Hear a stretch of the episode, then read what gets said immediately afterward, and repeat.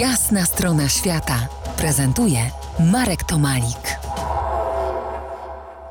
Po jasnej stronie świata Krystian Bielatowicz, artysta, fotograf, filmowiec. Rozmawiamy o krajobrazach Islandii tropami filmu fabularnego Gotland. Wróćmy jeszcze na chwilę do tych filmowych scen. Jeden, jeden zastawia sieci na ryby, myśli praktycznie, drugi wyelegancony przybysz z Europy sposobi się do zdjęć. Zdarzenie dwóch różnych światów, praktycznego i nadbudowanego.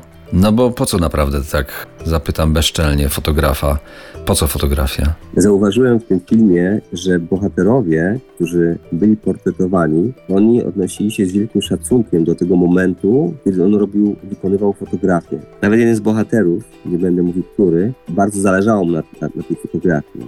Bardzo, bardzo mu zależało, żeby on również jemu wykonał portret. Sam fotograf, sama fotografia, ona tworzyła taką aurę myślę, że bohaterowie czuli, że to, te fotografie staną się historią w jakimś sensie? Tak jak książki. No oni to czuli. I ja na przykład, ona już w naszych odczuciach jest y, bardzo ważna i, i, i to, to było niebywałe. Natomiast y, tam była taka wypowiedź, że osoba jako ksiądz, tego oni nie byli w stanie zrozumieć, po co taka osoba im na Islandii. Ona nie, nie była potrzebna im w tej przestrzeni, w której żyją. Natomiast jako fotograf myślę, że i to był taki człowiek, który przyjeżdża, fotografuje, tworzy historię pewną, zapisuje historię na, na fotografiach i odpływa. Mam takie, takie odczucie. No cóż, ja mam podobne, podobne, ale y, żeby to wszystko, że tak powiem, zmierzyć, zważyć, to polecam absolutnie zanurzyć się ten, w ten film, ale na wielkiej spokojności, czyli zrobić dobrą herbatę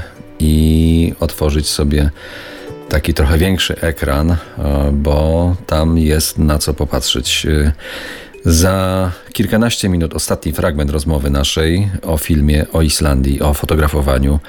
Zostańcie z nami. To jest jasna strona świata w RMS Classic.